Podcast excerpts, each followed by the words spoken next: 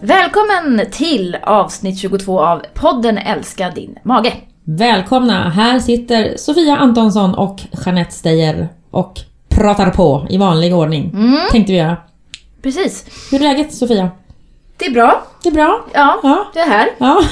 Det här är fysisk form. Inte Du, har, du är så mycket på turné nu för tiden. Ja, jag är som en rockstjärna. Ja, verkligen. Fy, vilket jobbigt liv. I övrigt. Racka runt sådär som du gör just nu. Ja, eller alltså nej, inte, inte, det har bara varit kul. Ja. Men ehm, att, att eh, vara överallt och flänga och fara och Ja. man vet liksom knappt vilken stad man är i. Välkommen örebroare. Eller nej, Eh, precis. var hälsad. Var är jag någonstans? Jag tittar mig runt här och undrar var jag är. Jag är i Stockholm. Eh, jo men det är jättekul, jag är på apoteksturné. Just. Med, eh, med eh, våra partners eh, här och pratar husk. Och det är Mm. jätteroligt. Vi eh, har träffat apotekspersonal runt i hela landet. Jag har varit med i de ja, större städerna. Och jättekul. De är, de är härliga. Och du berättar om IBS och FODMAP. Ja, Ja. herregud. Mm. Ja, fort. Ja. Jag har inte så mycket tid på mig så jag, Nej, jag men pratar du är fort. bra. Du är bra på att prata fort. Ja, exakt. Jag pratar om IBS, om FODMAP, om eh, mag-tarmsjukdomar överlag och hur man kan eh, tänka kring eh, användning av eh, bulkmedel helt enkelt. Mm. I det här fallet. Mm. Eh, men mycket kring maghälsa överlag. Mycket trender, tarmbakterier och eh, ja, men lite så här det senaste. Uppdatering. Mm. Så nu är de uppdaterade allihopa. Vad gud härligt. Ja. Gud, vad, det känns skönt och tryggt. Nu kan ni gå på apoteken och eh, Ja, vara trygga med att de vet Och prata med personalen som Ja, är så duktiga och kunniga. härligt. Det är de faktiskt. Mm, Eh, det är de, verkligen. De är super, superpålästa och sådär. Det är Mm. kul också att få mycket frågor och Ja, funderingar kring, eh, kring magen i alla former. Vad roligt. Ja, Mm. jättekul! Apropå det, du har jobbat, jag har varit på, jag måste berätta, jag har, apropå rockstjärna också då, jag har varit på afterski med Petter Stordalen här uppe i Åre. Ja, kul för dig! Ja, det var roligt. Du var grön av avundsjukan Ja, när du var såg jag. bilden Först var jag på bitter oss tillsammans. gök i 10 sekunder. Och sen tänkte jag... Sen kunde du glädjas åt din kollega ändå, Ja. tack för det. Ja, och så Ja. tänkte jag att hoppas de frågar Han om kom in på afterskin som en rockstjärna. Han blev influgen från eh, Östersund med helikopter. Skulle festa lite med sina ekonomipersonal, verkar det vara. Det var ju inte så mycket ekonomi, e- ekonomiska Han tänkte inte inköp där på den kvällen, eller den afterskin. Champagnen flödade gjorde. Mhm. Men eh, han är ju lite som en rockstjärna. Det blir ju så när han kommer in. Det är många som eh, gillar honom, vet vem han är. Inklusive oss då, som beundrar olika entreprenörer. Ja, alltså han är, jag vet inte om han, går, går han ens under titeln entreprenör? Gör han, går inte? väl, han går väl under titeln Uber, Ubermensch. Übermatch. Nej, han, är, han är helt otrolig. Jag älskar honom Mm. Ja, han Faktiskt. är, han är cool. på många sätt. Och sen var det en annan entreprenör där, kan ju nämnas, det är Serendipity. Det är koncern, stor koncernföretag. Ja. Som vi har varit och lyssnat på eh, som unga entreprenörer också. Väldigt inspirerande. Verkligen. Deras historia också. De håller lite mer low key profil än vad Stordalen gör. När han en- entré. Entré! Mm. på- Hur gick det då? Fick du med dig pengar hem eller? Tyvärr, Nej. han vill inte satsa något. Jag hann inte prata med honom, med honom Jag om det. frågat om han hade. IBS. Ja, precis. Det gjorde jag Du inte. ser lite uppblåst ut Petter. Ja, precis. Petter, jag ser en liten putmage där. Mm. Ja, han är ju så vältränad alltså. Ja, han har verkligen. Ingen Nog sån- om detta. ja, nu ska vi prata om härligt. allvarliga saker, höll jag på säga. Om andra saker, om magsaker. Magsaker. Nej, först ska vi, vi ska prata om veckans breaking news Ja. här i, Helst. i våran lät, nu värld. lät du som Filip och Fredrik. Ja. Har inte de Jo, men, och sen, sen i nästa andetag säger jag från Livsmedelsverket och då, då lät det inte som Filip Fredrik. treling. Ja, Fyra. verkligen. Alltså det är ju lite roligt. Eller det är ju också väldigt tragiskt Ja. eh, att Livsmedelsverket nu går ut med eh, en liten eh, blänkare om att dåliga matvanor just nu i den här sekunden är den allra största, största riskfaktorn för ohälsa och förtida död i Sverige. Det är alltså inte alkohol, det är inte rökning, det är inte fysisk inaktivitet, det är inte stress. Jag vet inte om det var med på listan. Men det är faktiskt dåliga matvanor. En av tio svenskar följer Livsmedelsverkets råd. Mm. En av tio. Ja. Det är inte särskilt många. Nej, och det Nej. leder ju till död. Ja. Enligt det här. Om man ska vara lite alarmerande deluxe. Ja. Ja, eh, ja, det är ju jättetråkigt att det är så. Ja, det är det. Och, och den här är, det här är ju skrivet också utifrån då att ehm, eh, ja, man har sagt att Socialstyrelsen ehm, här nu i- har sagt till primärvården att man ska jobba sjukdomsförebyggande med just människor med ohälsosamma matvanor. Och det är ju, det är ju en liten paradox för vi, det är ju vi dietister som ska få den granna uppgiften. Mm. Och vi är inte så många. Nej. Eh, Det ser väldigt olika ut i olika landsting och i ojämnt, eh, alltså ojämn fördelning helt enkelt. Mm. Orättvist var man bor, hur mycket hjälp man kan få. Ja, så fler dietis- dietister hoppas vi på. Och jag Ja. tänker också just det här med, man tänker kanske att det är så mycket andra saker som är så viktiga, att man tränar och eh, att, att kosten kan ha sån stor betydelse för att utveckla sjukdomar eller att förhindra att utveckla sjukdomar. Det kanske man faktiskt inte går runt och tänker på dagligdags. Nej, eh, exakt. Och jag har ju bara två råd som jag brukar säga som vi tänker att, att det här vet vi idag. Är vi helt säkra på. Mm. Nummer ett, ät mer grönsaker. Mm. Det vet vi. Ja, det Nummer vet två, ät mindre kött och charkprodukter. Ja. Det vet vi. Ja. Två råd från dietisten. Ja, Ja. och det, man behöver bara göra det. Mm. Man behöver inte hålla på och tänka på att tillsätta gurkmeja eller någonting annat i sin kost. Om man är på den nivån att man känner att jag äter inte tillräckligt med grönsaker, Börja där. börja där. Precis. Byt ut snabbmakaronerna mot lite grönsaker. Ja, det kan man göra om man vill det. Eller så att man fullkorns snabbmakaron. Det finns väl Och- det. Ja, men, och där Ja. kommer vi då in lite på det här med... Ja, för det här är ehm, ju baserat på Livsmedelsverkets kostråd. Precis. Om det var det du tänkte säga, jag avbröt dig nu. Ja, eh, ja men jag, ja, exakt. Du, du, men du kommer säkert in på rätt sak. Ja, okej. Ja, Ja, för att just att man har gjort den här, den här rapporten och då att det bara är en av tio. Och den ena personen då som äter enligt Livsmedelsverkets kostråd. Som är ju alldeles utmärkta kostråd. Som ingen följer då uppenbart. Jo, jag gör det. Ja, du, Nej, ja jag vet. bara. Men du, du är den Ja. en Nej. av tio. Jag är inte den. Nej, jag är inte en- den heller När vi är en krets på tio. Ja. Nej, men du, är, du är ju, äter ju väldigt bra, det vet jag. För det mesta. Eh, Va? Ska se hur det ser ut här just nu? Ja. Oj, oj, det här kontoret. Mm. Mm. Eh, men då är det ju faktiskt så, den lilla eh, kroken på det här är ju att Livsmedelsverkets kostråd får man ju då, är ju till största delen alldeles, alldeles utmärkta. Men det finns ju några saker som inte fungerar så bra med en IBS-mage eller när man äter enligt kostbehandlingen FODMAP. Och det handlar ju då främst om eh, den fibermängden man ska äta och den typen av fiber som rekommenderas. Där man ju i kostbehandlingen FODMAP får byta ut de här, eh, speciellt sädeslagen, de fibrerna, mot andra lösliga fibrer. Och jag pratar då vete, råg och korn framförallt. Eh, lök och vitlök som vi vet, ja, många har problem med.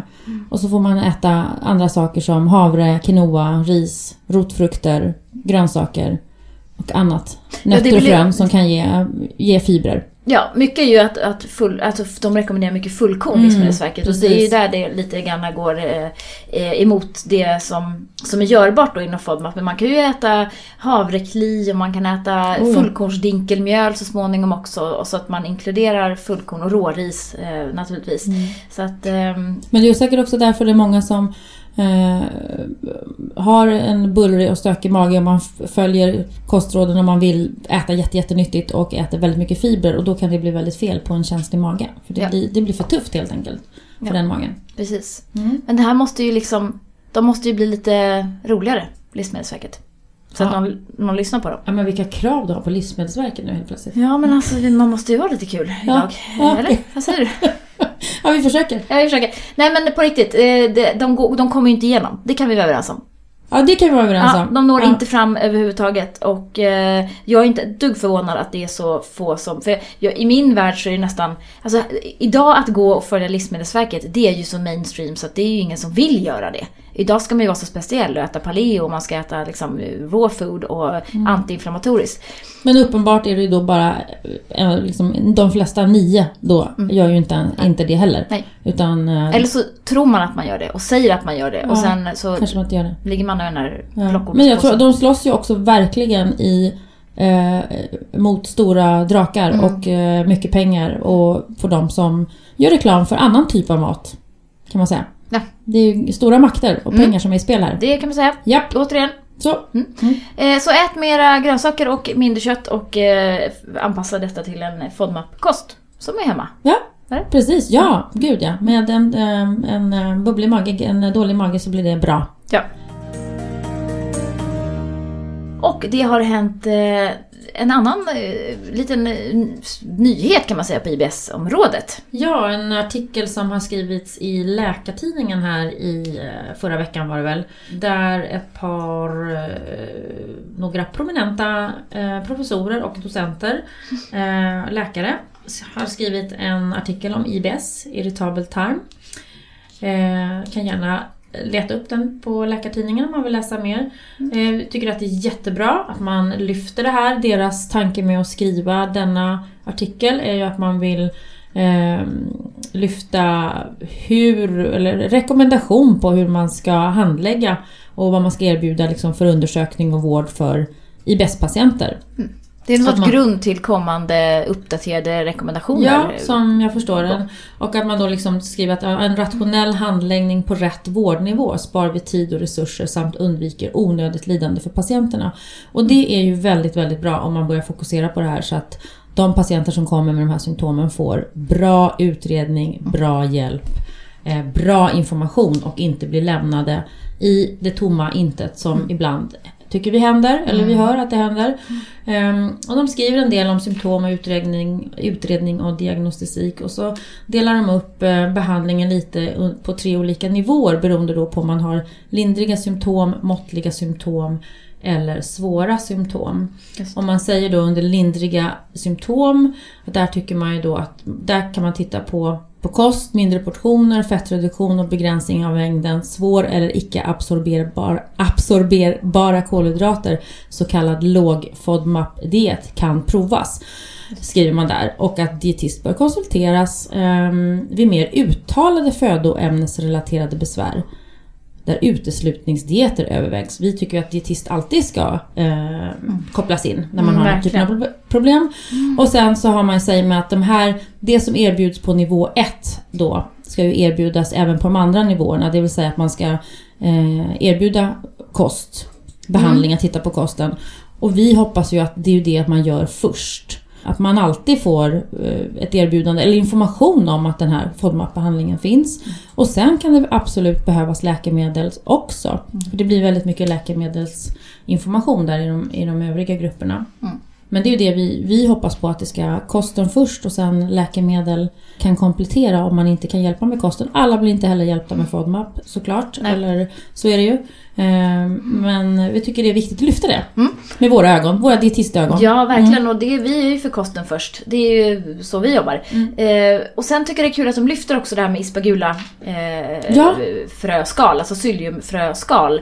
Apropå jag sa att jag var ute och eh, pratade mycket om eh, husk just nu.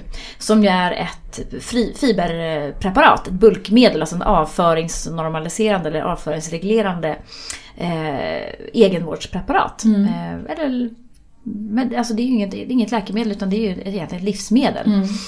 Och eh, det i kombination, det har vi ju inom vården använt länge. Eh, husk. Mm. Eh, och eh, mm. då främst till ja, men IBS har det ju varit tidigare men mm. främst då förstoppningsdominerade patienter. Mm. Men jag tycker att det också hjälper väldigt fint på diarrédominerade mm. patienter. Ja, det, är ju liksom ett... det är också min erfarenhet. Ja. Man kan använda det åt ja. båda hållen. Precis, att mm. man kan tänka att, att FODMAP plus husk till exempel är ju en väldigt fin eh, kombination. Mm. Eh, de som inte blir helt avhjälpta med, med snabb eller långsam mage, de kan få den effekten med husken. Och husken är ju bra också för den bildar ju smörsyra. Mm. Lång, fermenteras långt ner i tjocktarmen eh, och väldigt långsamt och då bildas det smörsyra. Mm. Vilket ju hjälper till att hålla eh, tarmslemhinnan i, tät. Mm. Och det är fiberhusk som många använder när de bakar glutenfritt. Ja. Just för att de här fibrerna suger åt sig vätska då och gör att brödet blir saftigare. Just det. Exakt. Mm. Det är samma sak som händer nere i tarmen i stort sett. Ja. Mm. Det är det faktiskt. Ja, det är det faktiskt. Men, men det är intressant. En, en översiktsartikel och eh, det, det, säger ju bara ännu mer om att vi eh, alla och framförallt ni som är patienter som behöver hjälp med utredningar, eh, gå och ehm, Eh, och gör en utredning och sen ber ni få gå till en dietist för kostbehandling i första hand. Så slipper man gå igång med, med tyngre läkemedel på en gång för det känns lite onödigt mm. i många fall. Mm. Mm. Vi knyter ihop förra veckans säck, eh, träning. Just. Eh, genom att prata om proteinpulver. Det glömde vi liksom bort då mm. lite grann. Vi pratade ju om löparmage bland annat förra gången och eh, sportdryck. Mm. Och hur det kan påverka magen och vad man ska se upp med. Och vi får faktiskt ganska ofta frågor tycker jag också på om proteinpulver, om vi vet några lämpliga proteinpulver. Mm. Eh, och det vet vi inte, för vi har inte koll på märkena så, vad de innehåller allihop. Men vi vet, liksom, man pratar rena innehållet, själva proteinet, var det kommer ifrån. Proteinsorten. Ja, där kan vi eh, hjälpa lite på traven. Ja, det finns ju tusen miljarder mängder eh, olika proteintillskott. så Ja, vi säga. Och de kan gång. innehålla precis vad som helst, jag säga. Ja. Men det man, och så där behöver man ju ha ögonen öppna för andra saker också. Men om man pratar själva proteinkällan Mm. då, tänkte vi gå igenom några här. Ja. Eh, vassleprotein är ju lite grann beroende på mängden av laktos som finns kvar i det här vassleproteinet. Just det. Eh, Så den är ju lite sådär gul eller orange markerad kan man säga. Där får man ha lite koll. Eh, isolat eh, är väl det som kanske innehåller, vanligtvis är låg laktos. Ja, vasselproteinisolat alltså. Exakt. Mm. Mm. Ofta så står det ju på, på burken om man har använt ett laktosfritt vassleprotein. ehm, eller vasslepulver. Och då är det ju oftast laktos... ehm, ehm, då är det laktosfritt. Men det kan man ju också titta på innehållsförteckningen på själva eh, burken. Hur, där står det ju oftast kolhydrat varav laktos. Om man nu är känslig eller inte så kanske man klarar ett eller två gram laktos per hundra. Eh, det är ju en ganska liten mängd ändå. Och där kan man ju också titta på fibermängden. Eh, hur mycket fibrer det är. Eh, vi kommer till det när vi pratar om, eh, mer om sojan. Precis, sen har vi då vasslekoncentrat. Som också kan innehålla eh, en del laktos, vanligen eh, kring 5% eller så.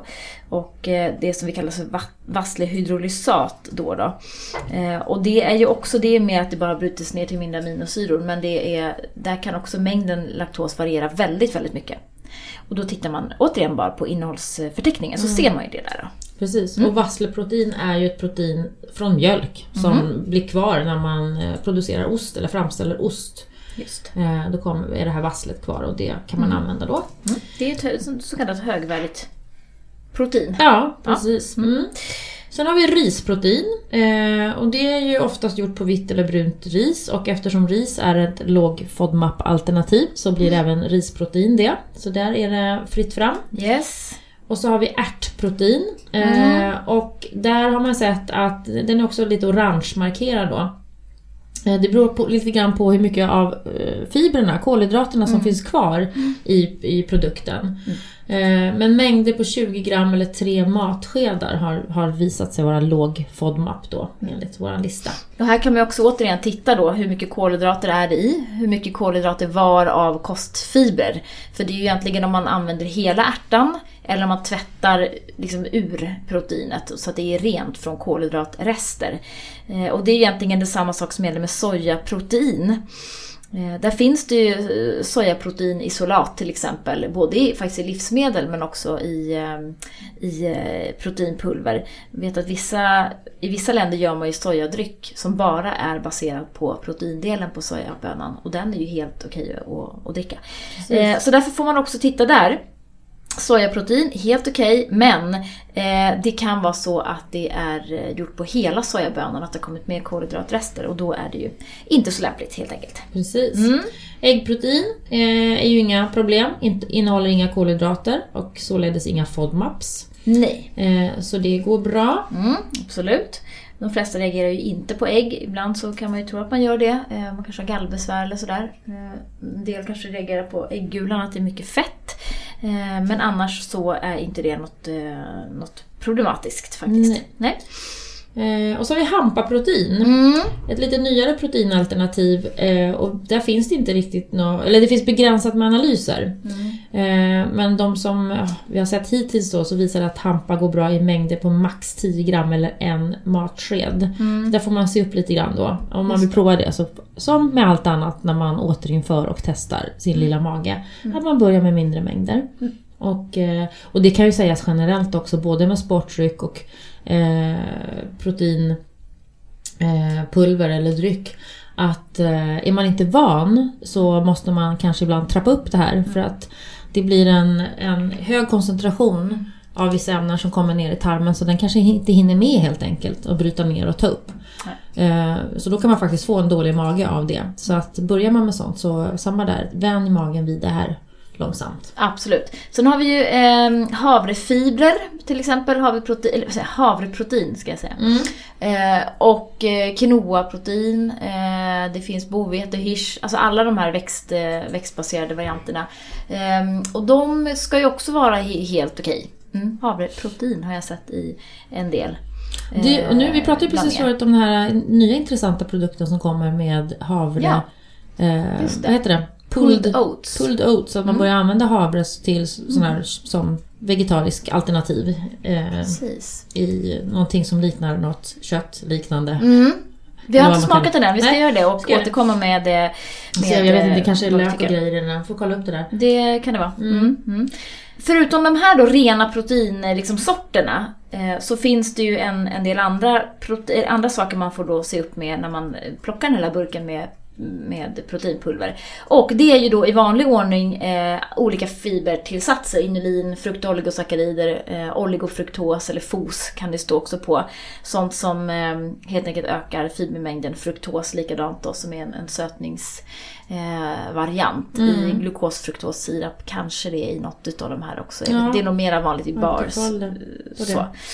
Och även sockeralkoholer då som kan användas som sötningsmedel. Sorbitol, mannitol, maltitol. Även isomalt och polydextros kan man ibland hitta i de här produkterna. Ja, Mm. exakt. Så att det gäller att titta på, på förpackningen, på innehållsförteckningen. Vill man ha rent protein så är det naturligtvis så att, att man vill ha så lite kolhydrater i det som möjligt. Och då, i och med att det inte finns så kolhydrater så finns det heller inga FODMAPs. Så är det. Det kan ju vara en enkel liten eh, guide. Mm. Eh, och kom ihåg att för att få muskler måste man inte bara dricka proteinshakes, man måste också gå till gymmet. Som jag brukar säga. Så käckt brukar jag säga. Ja. Ja, men det, Dagens det, det vet ju Det all, de allra flesta om. Ja. Men ibland så får man ju för sig, eller får känslan av att många tycker att ju mer protein desto mer muskler Mm. får jag. Och det finns ju en gräns här. Och det har vi pratat vi om säkert Mm. förra gången också. Att det är liksom någonstans kring 2 gram per kilo kroppsvikt. Vikt, Det är där, mer kan vi inte hantera Nej. i kroppen i alla Och sen fall. att man inte missar att man måste få i sig tillräckligt med energi Mm. för att kunna bygga muskler. Det måste ju vara ett litet överskott där för att Ja. få till de där musklerna. Mm. Så var det. Så är det.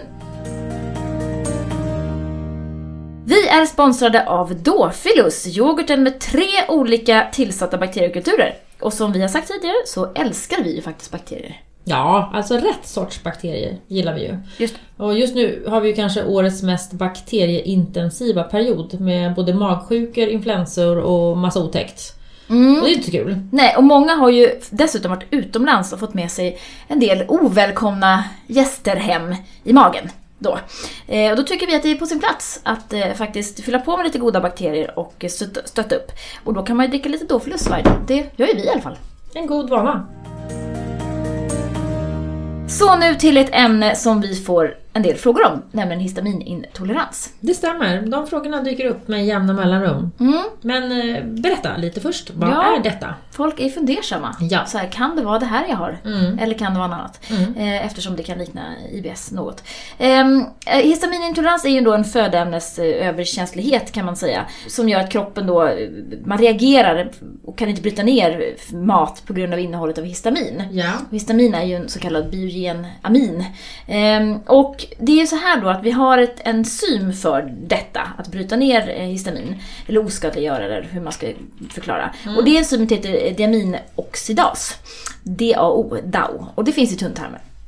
Hos alla människor. Ja. Och då bryter det ner histaminet där från födan, frid och fröjd. Och ehm, men har man för lite av det här enzymet, eller eh, antingen har man en låg produktion eller att det fungerar dåligt, eller att alltså man kan ju, i och med att det sitter i, i tunntarmen så är det ju som, lite med som, tänker jag, som laktas. Alltså det som bryter, enzymet som bryter ner laktos. Yes. Att man kan i perioder ha lite sämre produktion av laktas. Eller att man kanske har fått en magsjuka så att man sköljer ur eh, stora delar av eh, laktasmolekylerna. Eh, och då, måste det liksom, då, då minskar ju förmågan att bryta ner, ner laktosen. Samma sak är det då med histamin. Ja. Histaminintolerans är ju egentligen bara kanske vadå, 1-2% av befolkningen Ja, det som är har. inte så vanligt faktiskt. Nej, det är ju inte det.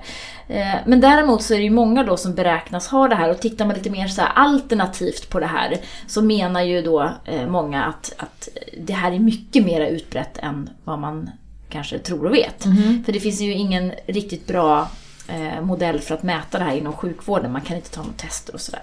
Jag skulle nog vilja säga att det här är ju någonting som återigen liksom blandas ihop med IBS. Mm. I och med att symptomen är lite liknande. Man kan ha stora magbesvär, man kan ha gaser och diarréer och knip och ballongmage och kräkningar och så vidare. Eh, Men man kan också ha då mera hudrelaterade besvär. Alltså nässelutslag, eller eksem, ja, eh, klåda. Mm. rå- Många upp, eh, tycker jag upplever när de äter att de, det blir blossigt och man blir lite så här så man kan känna sig lite uppe i varv nästan. Man kan få hjärtklappning, man märker att pulsen stiger och, och så vidare. Eh, och eh, man kan liksom få lite migränliknande, man kan få rinnande näsa och sådär. Eh, och det är ju en del som får det här eh, när man dricker vin till exempel. Mm. Och det är också lite intressant vad det kommer ifrån i, eh, i, i vinet. Mm. Men, nog om det. Eh, Och då kan man då tänka sig att ehm, det finns ju en del födoämnen som innehåller histamin naturligt och en del födoämnen som frisätter histamin i tarmen i större utsträckning. För vi har histamin i våra celler redan. Ja, Mm. precis. Eh, den ligger, det är som kroppens eh, försvar Mm. helt enkelt när det Mm. kommer ner någonting som, som, som den inte gillar, kroppen. Och ehm, då, då är det ju dels de här biogena aminerna då, som histamin är ju en utav dem och de finns ju naturligtvis i, i många i födoämnen, till exempel då i tonfisk och makrill och ansjovis. Eh, skaldjur, eh, de finns i eh, lagrade produkter, salami, korv, skinka kan det finnas. Eh, mögelostar, alltså folk som dricker vin och äter eh, långlagrade ostar kan ju få de här problemen. Ja. Varför blir jag så snuvig Mm. varje gång? Ja, men det Mm. kanske kan vara någon typ av histamin Mm.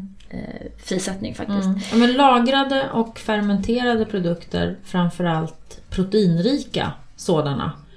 Som lagrade ostar som du säger, lagrade Mm. köttprodukter som salami och goda korvar och lufttorkad skinka. Precis. Och, det, och fisken som du pratade om där också. Mm, ja men exakt. Eh, och det är ju någon typ av, det är extra, det blir extra mycket då av såna här biogena aminer i när man ställer saker, man öppnar lock och så vidare så det kommer in syre och det, det sker reaktioner där i. Eh, sen har vi ju då ämnena också som, eh, eh, som kan frisätta mera, eh, stimulera kroppen till att fris- frisätta mer histamin. Och det är ju citrusfrukter bland annat. Choklad. Mm. Varför ska alla goda saker vara jobbiga för? Jordgubb, Rödvin och choklad. Tomat. Ehm, ja, precis. Ehm, men även också fisk och skaldjur då. Ja, precis. Mm. Eh, och det här är lite intressant då för att när, när man kommer till det här läget att jag tror att jag kanske har någon typ av histaminintolerans. Ja, och så går man till läkaren och så blir det inte så mycket. Det är, det är inte så många som är intresserade av det här. Såna här allergologer, liksom, de som är eh, ja, specialiserade på aller, allergier, de, de är inte så många. Och de är faktiskt heller inte så, alltså det är kanske inte så, det här är ingen vedertagen eh, intolerans på det viset så att man kan liksom behandla den på något vettigt sätt. Jag vet att det finns tillskott att köpa på Mm. det här enzymet DAO. Eh, och det kan man ju tillföra då som ett vanligt så här, hälsokostpreparat. Ja. Eh, och se om man kan minska reaktionen. Annars så är det ju återigen det här gamla klassiska att skriva upp på en lista vad det är för någonting du reagerar på och så får du helt enkelt utesluta de produkterna. Precis. Eh, och tittar man då återigen alternativt så är ju många som menar att det är stress som kan orsaka histaminintolerans. Man, kan, man, man får olika näringsbrister i kroppen som gör att man inte har någon fullständig produktion av det här enzymet. Ehm, och det har med tarmslemhinnan att göra och det kan ha ett samband med inflammationer och läckande tarm och ja, men hela det här liksom begreppet som egentligen ingen vet särskilt mycket om. Ehm, Så att jag kan alltså har man magbesvär så kan det ju lika bra vara IBS. Det är svårt att se någon. Men får man de här klassiska, att man faktiskt får utslag. Allergiska Ja. reaktioner. Exakt, då är det ju mycket troligt att, att det kan vara histamin helt enkelt. Och det skulle man ju då bara genom att sätta sig ner och göra en lista och göra lite så provokationsschema och se om man kan... eh, Ja, för att men just med histamin då kommer ju symptomen relativt snabbt efter man har ätit. Så där, på så vis kan det ju vara lite lättare att ta reda på vad man reagerar på än när man pratar IBS när det kan ta liksom lite lång tid innan sakerna kommer ner i tjocktarmen. Men här får man oftast en snabbare reaktion. Och att man då kan skriva upp och föra lite dagbok eh, och skriva reaktioner. Men, men just och med histamin så har man ju lite samma effekt som vi brukar prata om hinken, att hinken blir full. Och det är ju samma sak med histamin. Att Äter man mycket en dag med histamin så rinner Precis. hinken över och så blir det en reaktion men man kanske klarar av lite här och lite där. Det. Så det är också det här att våga prova sig fram lite grann. Ja, och det kan ju vara, tänker jag, avgörande av dagsform också. Hur mycket Ja. produktion man har av de här enzymerna som ju säkert alla, eh, eller det vet vi att alla enzymatiska system i kroppen är ju liksom beroende av, av näring och produktionen kan gå upp och ner lite grann över tid. Precis. Så är det ju. Generellt vad man säger då, vad man ska hålla sig till, då, det blir ju ren och färsk mat. Eh, Men grönsaker och, och frukt och går ju bra då bortsett från de som vi nämnde då som man kanske ska vara lite försiktigare med. Precis. I övrigt mjölkprodukter eller mejeriprodukter bortsett från lagrad ost.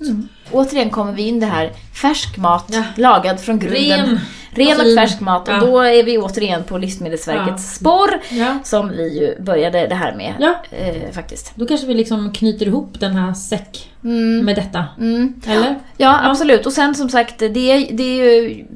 Jag vill verkligen... Det är många som har stora problem med att man får den här typen av reaktioner. Man känner att när jag äter någonting så, så stiger min puls och jag blir lite andfådd och jag blir blossig och jag blir... Och det är ingen som kan svara på vad det där är egentligen och det går inte att ta några prov. Och då kan man ju lätt förstå att man känner sig något frustrerad. Mm, absolut. Men tyvärr så är det ju inte så mycket annat att göra än att bara logga. Mm. Och ska, skapa sig kunskap om sig själv och sin egen kropp. Mm. Det är som vi alltid brukar säga.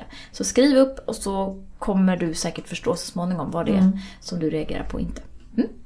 Och vi är också sponsrade av Mag och tarmförbundet. Magogtarm.se är deras hemsida. Gå in och kika där. En eh, aktiv och eh, bra förening för alla personer som har eh, någon form av mag-tarmrelaterad eh, sjukdom. Och även deras anhöriga. Mm. Absolut. Sen har vi en ny bok. Ja, det har vi. Ja, Ja, den är bra. tack. Den är fin. Fint. Du är fin. Tack. Du med. Fina bilder. Ja. Fin och god mat. Mm. Eh, den kan man köpa på Bokus eh, just nu. Om man anger koden lugn mage så får man till och med 20 kronor rabatt på den här boken tror jag. Trevligt. Det är jättebra. Och eh, vi påminner om att vi har en eh, app som heter Belly Balance. Den kan man ladda ner. Eh, Och kika på lite listor och scanna livsmedel i butiken för glatta livet. Vi har en app, vi har en hemsida, vi har några böcker, vi har en keps och vi har en mugg. Nej, det har vi inte. Jag skojar bara. Man kan köpa olika paket av oss. Ja, det kan man. Men eh, allt för att hjälpa er och det är Ja, ju faktiskt så verkligen. Mm. vi jobbar. Så att gå in och kika på det om ni har lust och så hörs vi snart igen. Ha det så bra. Hej. Kram, kram.